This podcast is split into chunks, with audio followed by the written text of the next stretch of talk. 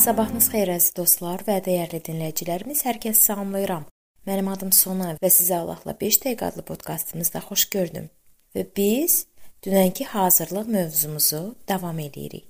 Gənclərin gələcək həyata hazırlığının tərkib hissəsi kimi onların iyanə vermək məsələsində vəzifə və borclarını anlamaları vacibdir.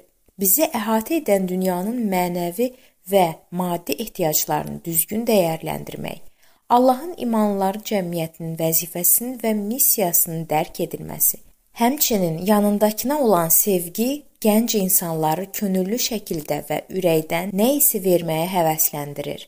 Verməyən və ya həvəssiz verən adam maliyyə vəsaitlərinin idarə olunmasına dair çətin məsələlərin həllinə məsuliyyətlə yanaşmağa hazır deyil.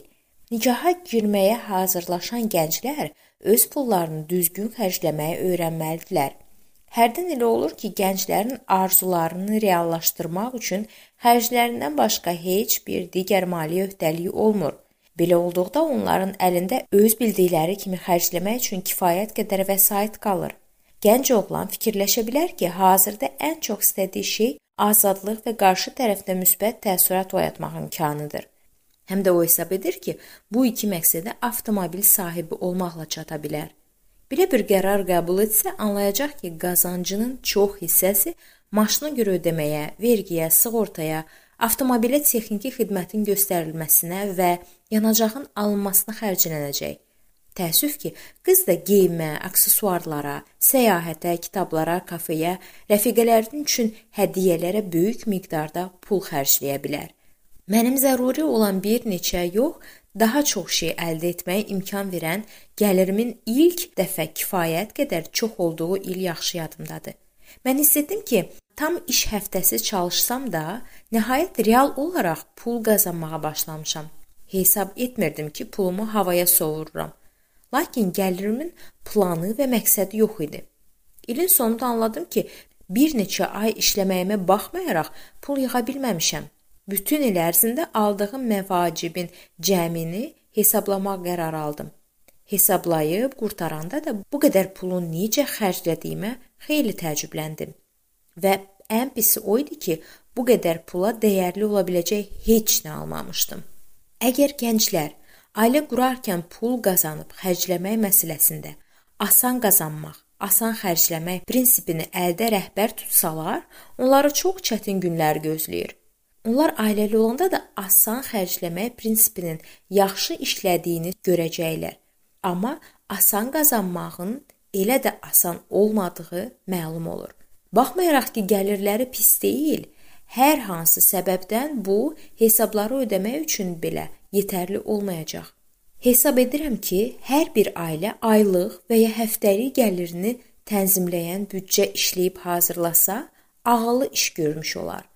Mən bunu hətta maliyyə çətinlikləri yaşamayan ailələrə də məsləhət görərdim. Büdcə olmayanda lazımsız və ya mənasız əşyalara pul xərcləmək olduqca asandır. Büdcənin tətbiqi daha çox fayda götürməklə ailədə puldan istifadə məsələsində intizamın qurulmasına yardım edir. Gənc ailənin əvvəldən tutulmuş büdcə üzrə yaşaya bilməsi üçün bəy və gəlin hələ nikah qədərki dövrdə buna uyğunlaşmalıdırlar. Bu elə də çətin deyil. Büdcəni tərtib etmək üçün sadəcə müəyyən dövrə görə ailənin qazancını hesablamaq, sonra isə bu vəsaiti necə xərcləməyi həll etmək lazımdır. Qərarın qəbulu isə prioritetlərin müəyyən edilməsini tələb edir. Onları bu ardıcıllıqla düzmək olar. Onda birlər, vergilər, ehtiyaclar və sonra da istəklər.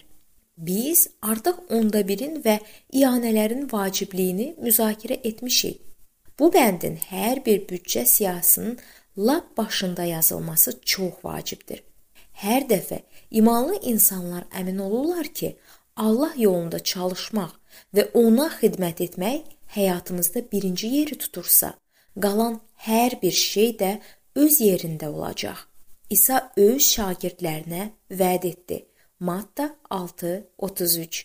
Əvvəlcə Allahın padşahlığını və onun salihliyini axtarın.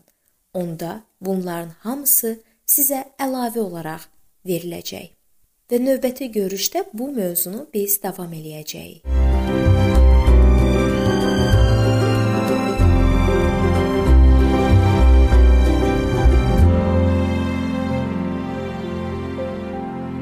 Beləliklə, əziz dostlar, bu mövzu burada sona çatdı. Hər zaman olduğu kimi sizi dəvət edirəm ki, bizim podkastlarımızı Facebook səhifəmizdən və YouTube kanalımızdan dinləməyə davam eləyəsiniz. İndi isə sizinlə sağollaşıram və növbəti görüşlərdə görmək ümidi ilə. Sağ olun, salamat qalın.